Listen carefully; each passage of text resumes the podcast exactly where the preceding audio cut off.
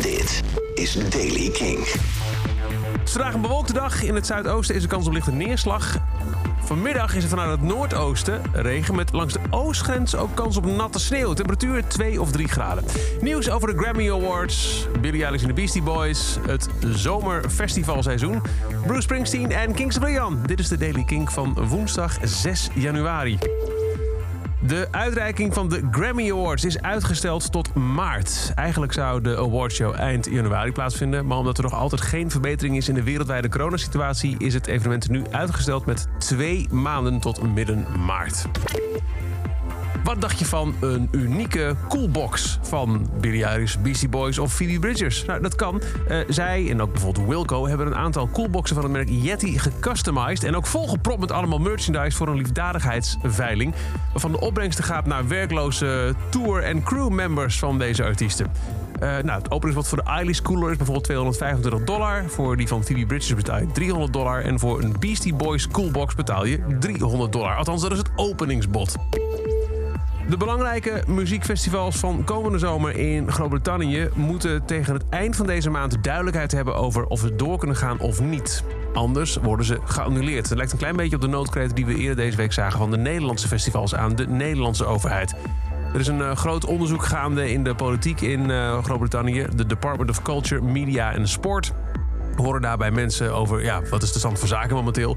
Het gaat bijvoorbeeld over dat de brexit slecht is voor kleinere Britse bands... die moeilijk kunnen toeren, dus daar zou een ontheffing voor moeten komen. En nu ging het dus over de festivals. Festivals leden ook in het Groot-Brittannië, net als wereldwijd, vorig jaar enorme verliezen omdat ze in 2020 niet door konden gaan. En als de overheid niet helpt met verzekeringen, zullen de kleinere festivals nog dit jaar verdwijnen, zegt een van de medeoprichters van het Parklife Festival. Vaccinaties en massatesten zijn de sleutel om het evenement door te laten gaan. Omdat social distancing gewoon niet werkt bij een festival, zijn we afhankelijk van andere maatregelen. Bruce Springsteen heeft in een interview verteld dat hij in 2021 niet gaat toeren, maar belooft wel een grote verrassing voor dit jaar. Ik heb dit jaar een aantal projecten die ik nog niet kan vertellen omdat het geheim is, maar het wordt een grote verrassing en het komt dit jaar. Oké, okay, je in de gaten, Bruce. En een dag zonder nieuwe Kings of Leon teas is een dag niet geleefd. Na eerdere kleine snippets van liedjes met als datum 7 januari... is er nu eentje gedeeld met als bijbehorende tekst bij de social media post... een emotie van een spiegel. Het gaat dan ook om een klein stuk van een nieuw nummer dat heet When You See Yourself.